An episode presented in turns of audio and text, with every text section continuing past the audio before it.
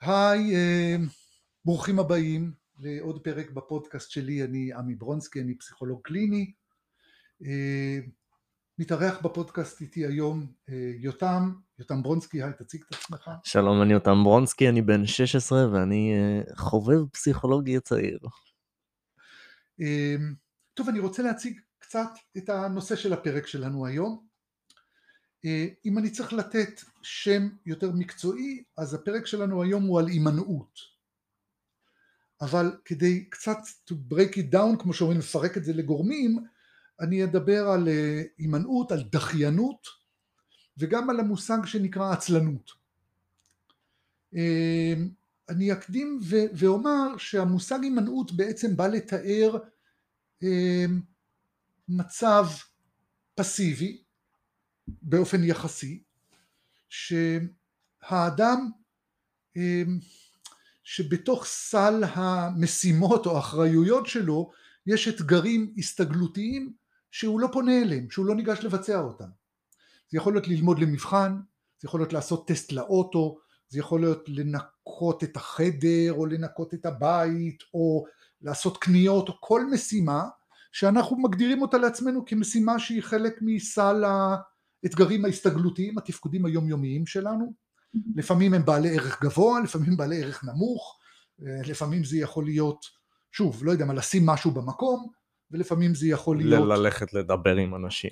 נכון, למשל, נכון, שזה, אני כבר, זו דוגמה טובה, אמ, שאני צריך לשוחח עם מישהו על משהו, יש לי קונפליקט עם חבר, אני צריך להגיד לו, תשמע, בוא ניפגש, אנחנו צריכים לדבר. אנחנו צריכים, מכיוון שלאורך זמן הקשר לא ישרוד אם לא נדבר, ואני לא קובע איתו לדבר. אמ, אני קצת אפרק מכיוון שאני רוצה גם לדבר על דחיינות, אני אגיד כמה מילים על שני מושגים מאוד מעניינים, אה, אחד מהם בוודאי שהוא, שהוא רלוונטי, זה המושג שנקרא עצלנות, אבל אני רוצה באותה נשימה לדבר על אה, עוד מושג שצמוד למושג של עצלנות שהוא המושג שנקרא חוצפנות או חוצפה. למה אני אומר את זה? כי המושג עצלנות וגם המושג חוצפה הם מושגים שהמציאו אותם אנשים בעמדת כוח, שהם משתמשים במושג הזה תוך כדי שהם מקטינים את הזולת כדי לעשות לעצמם נוח בעמדת הכוח שלהם. עכשיו, אני אגיד... אולי להצדיק את עמדת הכוח שלהם. נכון, להצדיק וליהנות ממנה.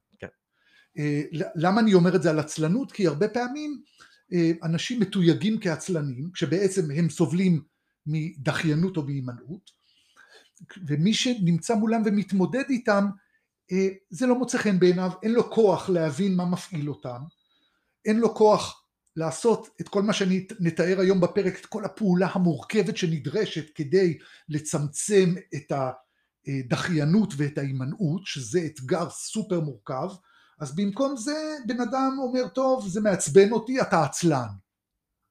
הוא משתמש בעמדת הכוח שלו שהוא יכול לתייג מישהו כעצלן וזה חוסך ממנו את כל המאמץ של לעזור לו לפתור את הבעיה הזאת של ההימנעות או הדחיינות. למה אני אומר באותה נשימה אה, חוצפה? כי המושג חוצפה הוא מושג שמגיע מאותו מקום שבן אדם שהוא בעמדת סמכות לא מוצא חן בעיניו שמישהו מערער על הסמכות שלו? סמכות זה סיפור מורכב, מי שלומד אה, חברה, סוציולוגיה יודע שיש כל מיני סוגים של סמכות, ובן אדם בעמדת סמכות אוהב שעושים מה שהוא אומר. וזה לא מוצא חן בעיניו כשמישהו מערער על הסמכות שלו. ואז המורה פונה לאיזשהו ילד ששואל אותה איזו שאלה מעצבנת ואומרת לו אתה חוצפן.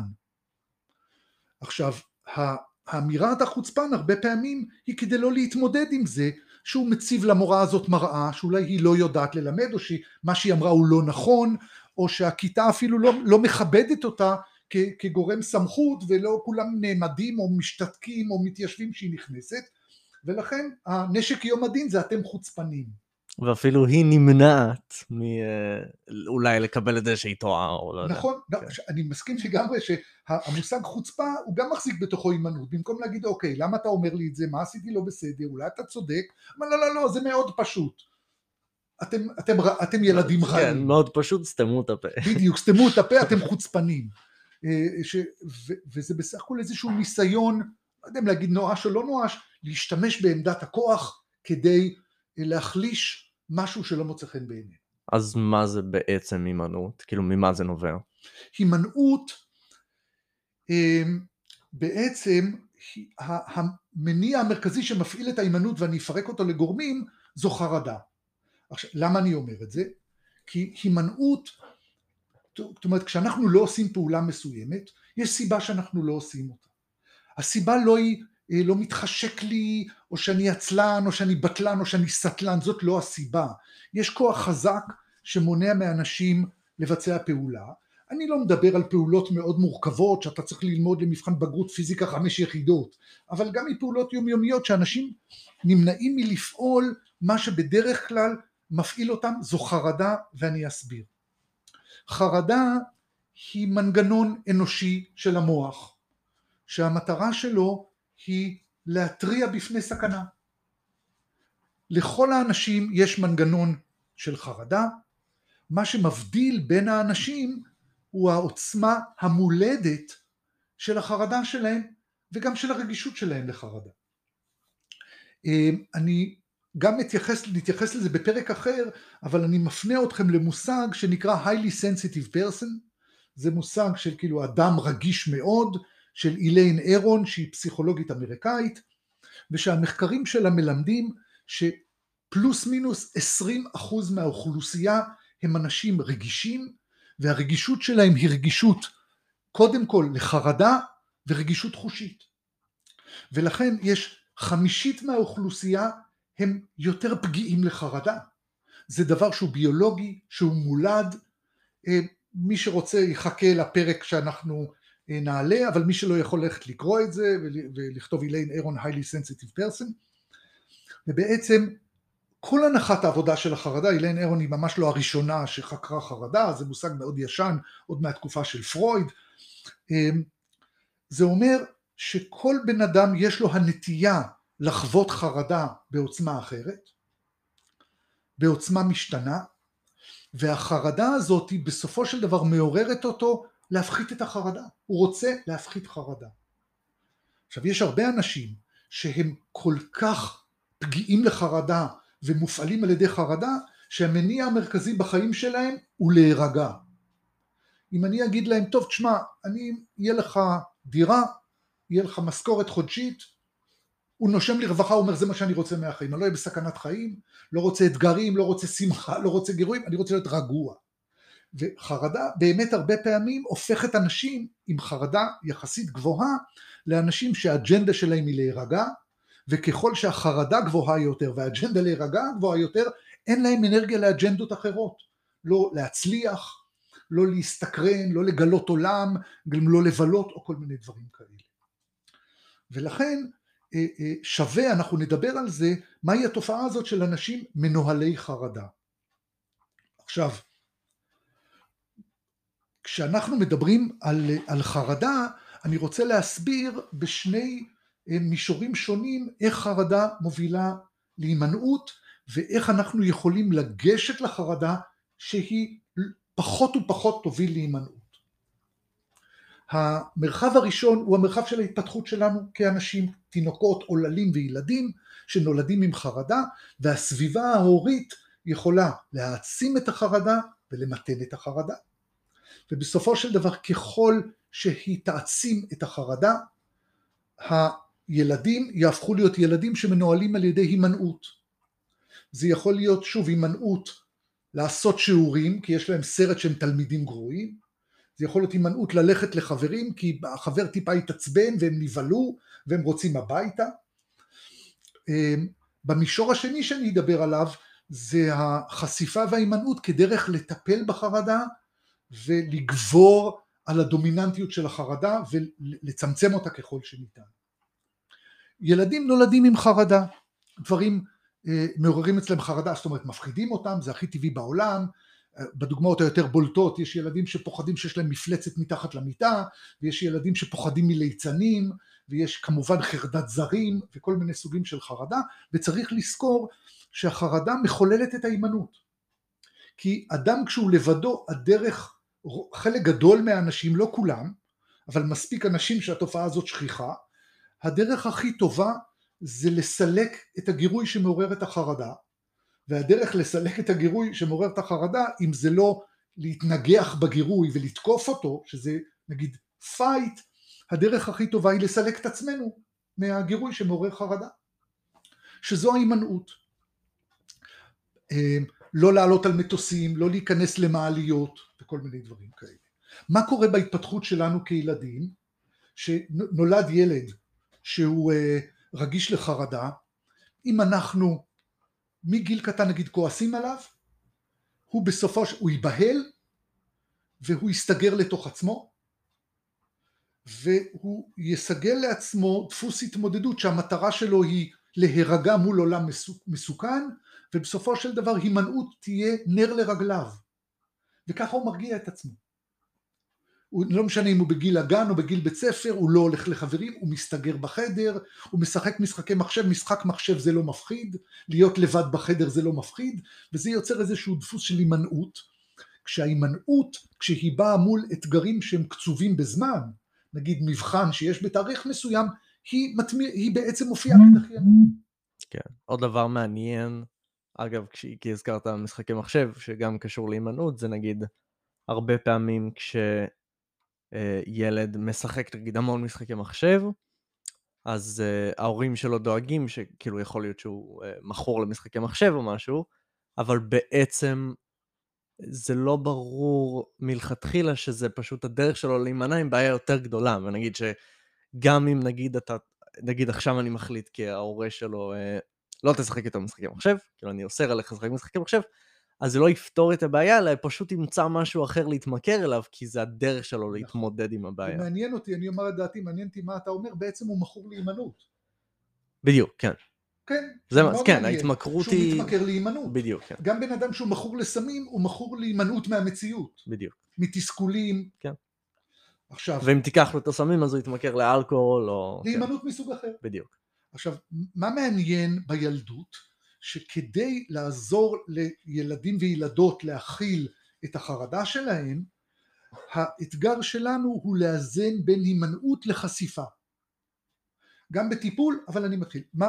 הימנעות, שוב, זה הנסיגה לתוך עצמנו ויצירת המרחק בינינו לבין הגירוי.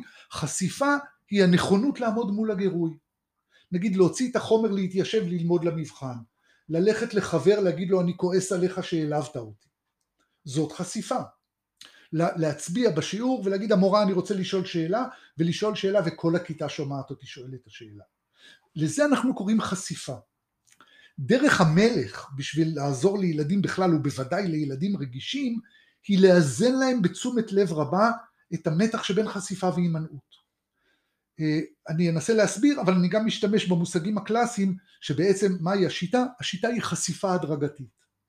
נגיד אתה רוצה שילד ילך לישון אצל חבר, כי הוא אוהב את החבר וכיף להם ביחד, ואתה יודע שהוא יחשוש לישון מחוץ לבית, מה עושים? אתה הולך אחר הצהריים לחבר, אתה בא עם הילד ואתם מסתובבים בבית והוא לומד להכיר את החבר ואת האחים שלו ואת ההורים שלו ואתה עושה את זה פעם אחת ואתה עושה את זה פעם שנייה וכשהוא מרגיש בבית שהוא נחשף באופן הדרגתי וגובר לבית של החבר אתה אומר לו מה דעתך שוב לא משנה יכול להיות שהוא בן חמש או בן שבע ברור שלא תעשה את זה בגיל שלוש הרבה פעמים, אלא אם כן זה בני דודים וכאלה, אז אתה אומר לו, מה דעתך שתישן? ואתה רואה האם הוא מוצף חרדה, ואז אתה מבין שזו חשיפה מהירה מדי, ואם הוא לא מוצף חרדה, והוא אומר הרעיון מוצא חן בעיניי, אתה יודע שאם תעשה את זה מהר מדי תתעורר אצלו חרדה.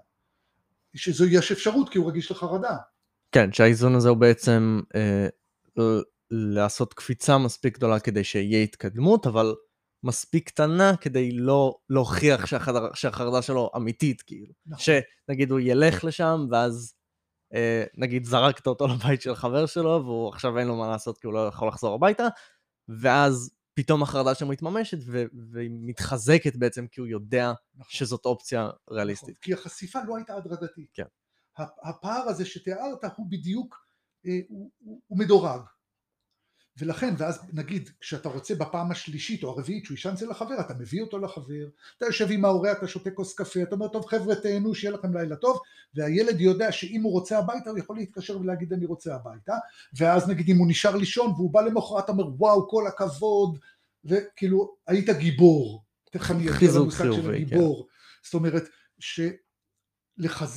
את תחושת המסוגלות כן. מעצם היכולת להכיל חרדה.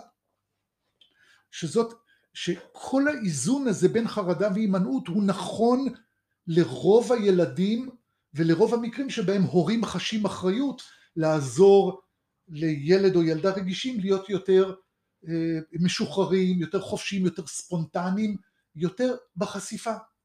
לצאת לטיול שנתי, להקריא מול הכיתה, להצביע ולשאול את המורה שאלה, או, לה, או נגיד הכי קלאסי, מה זה חשיפה? שאם ילד מפריע לו משהו, הוא יכול לבוא ולהגיד, שמע אבא זה מפריע לי. ואם ההורה מתעצבן עליו, אז הוא יבין שאם הוא נחשף, הוא מוצף חרדה והוא נענש, ואז נגיד אנשים שמשקרים הרבה פעמים זה אנשים שהם פוחדים לומר את האמת כי מישהו העניש אותם על אמירת האמת. כן. ולכן אמירת האמת היא הרבה פחות חשובה מאשר אני רגוע ובטוח. זאת אומרת שהם למדו איפשהו שאם הם אומרים את האמת. כאילו, נענשים. כן. כן. ושזה לא נגיד סתם איזושהי תכונה מולדת כאילו. אני חושב שברוב המקרים זה לא תכונה מולדת, זו למידה. ש, שאם מישהו, ילד, יכול לומר את האמת, נגיד אפילו אם אתה שואל מי גמר את ה... מי גמר את החלב? אתה שואל את זה בעצבים, אז אם יש ילדה רגישה, היא לא תאמר אני. כן. כי היא יודעת שמי שתאמר אני, היא עומדת לקבל בראש. כן. ואם תגיד וואי וזה, אני רואה שנגמר החלב, מה, מי, מי גמר את החלב? היא תגיד אני, אוקיי, לא נורא, נקנה חלב, נקנה עוד חלב, אז היא מבינה שחשיפה לא גוררת אה, ענישה, לא גוררת בדיוק. פחד, לא גוררת חרדה. כן. וכל... ועוד יותר מזה, נגיד, אם היא מתוודה, אז, לח... אז לחזק את, ה... את ההתנהגות. נכון, ואז ה... חשיפה היא נתפסת כאקט של אומץ. כן. שזה בכלל סופר מחזק. כן. וזה נכון באופן כללי בגידול ילדים. ו... וככל שהם לא נענשים על חשיפה, אז בסופו של דבר חשיפה נקשרת באומץ, ובמקום שלהירגע הופכת להיות האג'נדה, לומר את האמת יכולה להיות אג'נדה. מי גמר את החלב? אני. למה את אומרת את זה? כי, כי אני גמרתי את החלב, וכי אני אומרת את האמת, ואין לי מה להסתיר שום דבר לגבי עצמי. ואנחנו רוצים שהאג'נדה תהיה נגיד חופש, אומץ, ביטוי עצמי, במקום אה, הימנעות ביטחון בסיסי, שזה אצל המון אנשים אג'נדה.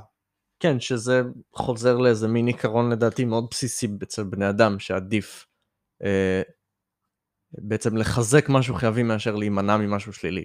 נכון. שהחיזוק הוא סופר קריטי. כן. והאפקט שלו הוא הרבה יותר חזק. ולדעתי, כאילו יכול להיות שאני טועה, אבל אה, ההימנעות מהשלילי זה איזה מין אלמנט שהוא בא אה, מהצד ההישרדותי של בני אדם. נכון. ושהוא פחות פרודקטיבי בעולם שלנו היום, אבל כשהיית צריך לברוח מנמר אז הוא היה הכי פרודקטיבי. נכון, נכון. ש, שבכלל כל ההבנה הזאת היא שהחיים שלנו היום הם חיים בשני מישורים. במישור ההישרדותי, שוב, דברים מפחידים, אה, ציד, לברוח מהנמר, כל הדברים האלה. אה, צריך להביא הרבה ילדים כי פעם, לפני מאות שנים, היו נולדים חמישה ילדים, היו שורדים שניים. בדיוק, כן. ו... ושהיום החיים שלנו שונים, כי האנרגיה שאנחנו משקיעים בהישרדות היא די נמוכה.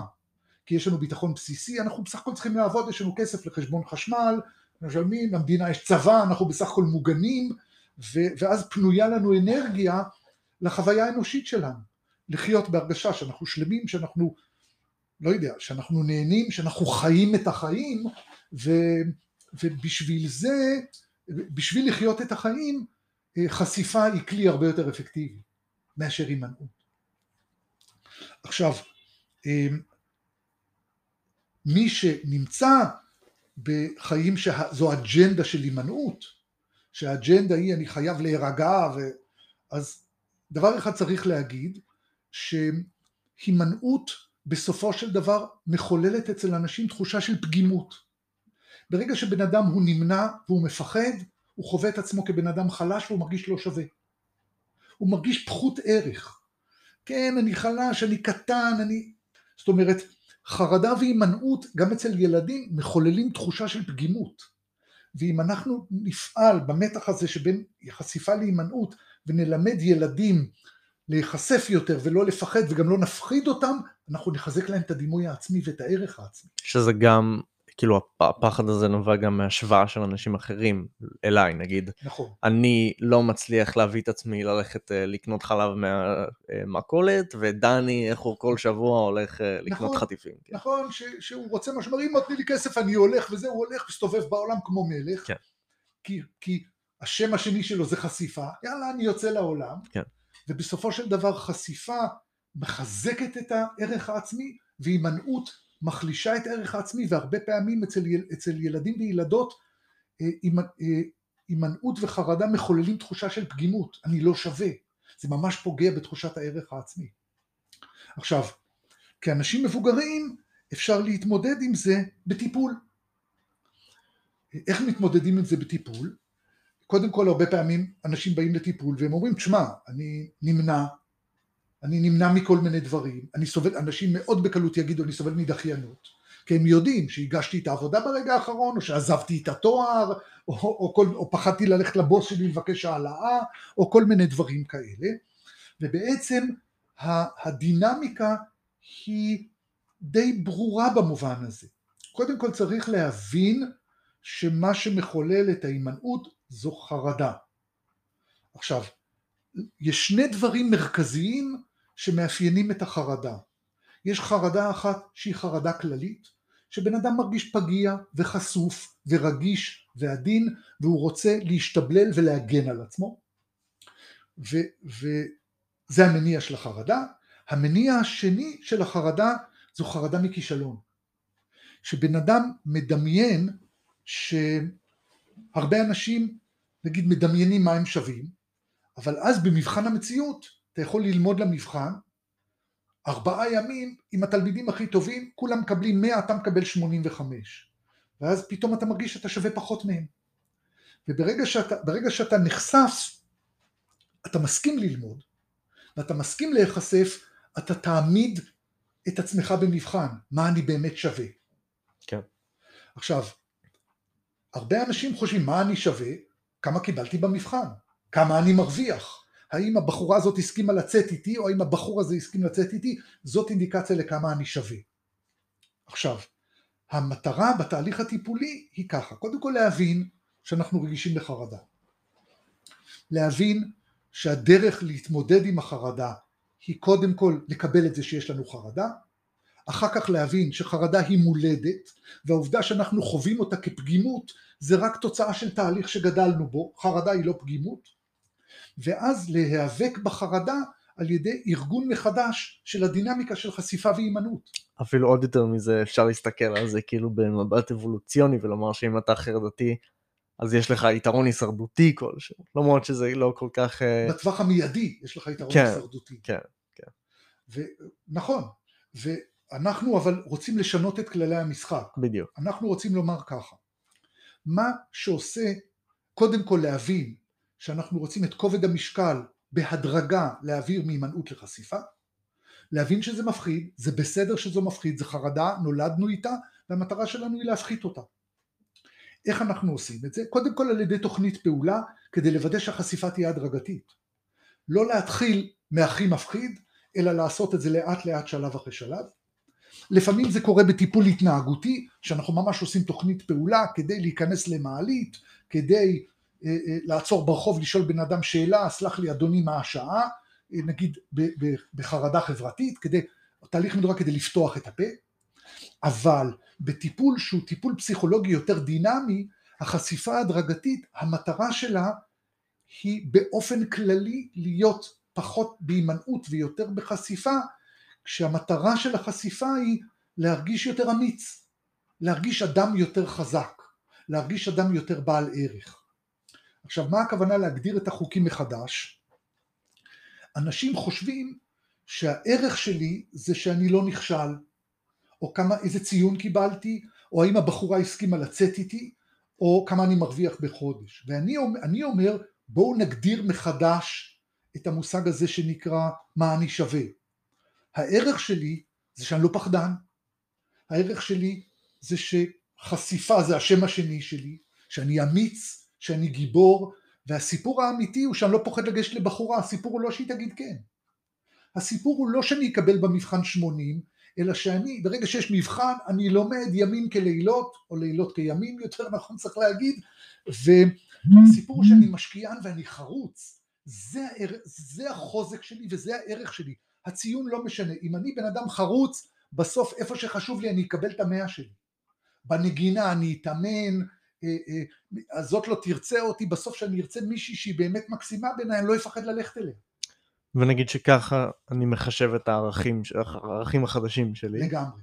שהערך, אחד הערכים הכי חשובים בעיניי, זה שאני אמיץ. זאת אומרת, לא אמיץ באיזשהו מובן קלישאתי ושאני גיבור, אלא שכשמשהו חשוב לי אני עושה מה שצריך. נגיד שככה אני חושב, ואז אני אה, יוצא לפעול, לעשות איזה משהו שנגיד לא העזתי מקודם, ואז אני נכשל.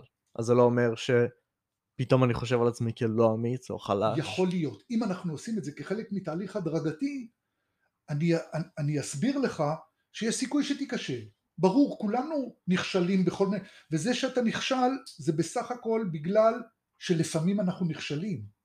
לא בגלל שאתה לא שווה, שפעם היית פחדן, רגיש לחרדה, ואז הפנמת שאתה לא שווה, ואז כל פעם שאתה נופל, אתה אומר אני לא שווה. לא, כל פעם שאתה נופל אתה קם, כי אנחנו נופלים וקמים.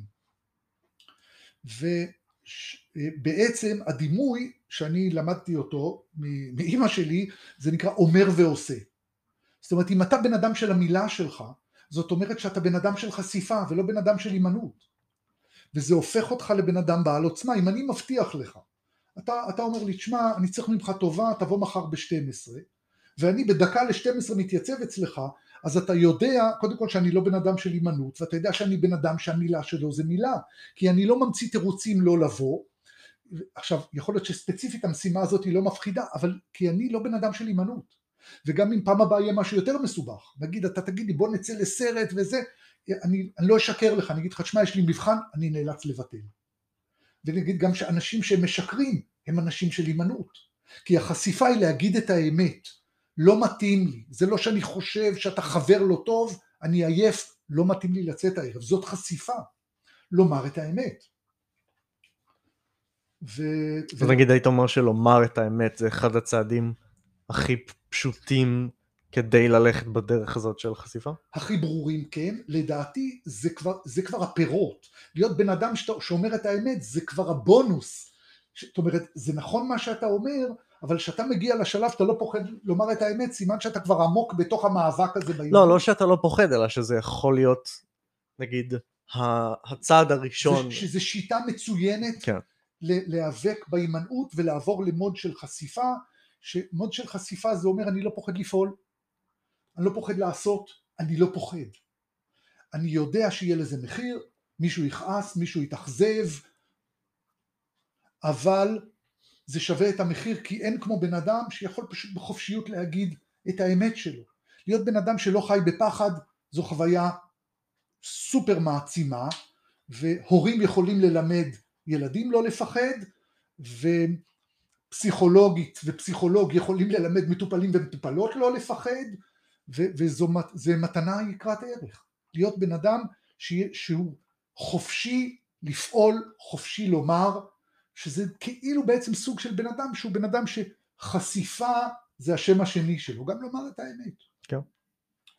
אז, אה, אז זהו, אז אני רק אה, אחזור, כן, אני, אני כן מדגיש את מה שאני אומר, כי זה חשוב לי. אה, אל זהו, אל תאמינו לעצלנות ולחוצפנות, הם דימויים מגמתיים, שבעיניי, שגם לא עומדת הגינות מאחוריהם, שהימנעות מופעלת על ידי חרדה, שחרדה היא מולדת ושבסופו של דבר היא, היא, היא נכנסת לשתי טריטוריות, לטריטוריה של חרדה כללית מחשיפה ולחרדה מכישלון ואפשר בתהליך מדורג להיאבק בחרדה ובהימנעות. טוב, אה, תודה שהאזנתם לפרק שלנו, שסיכמנו אותו כרגע. אה, אני עמי ברונסקי, פסיכולוג קליני. אני יותם ברונסקי. אה, נתראה בפרקים הבאים.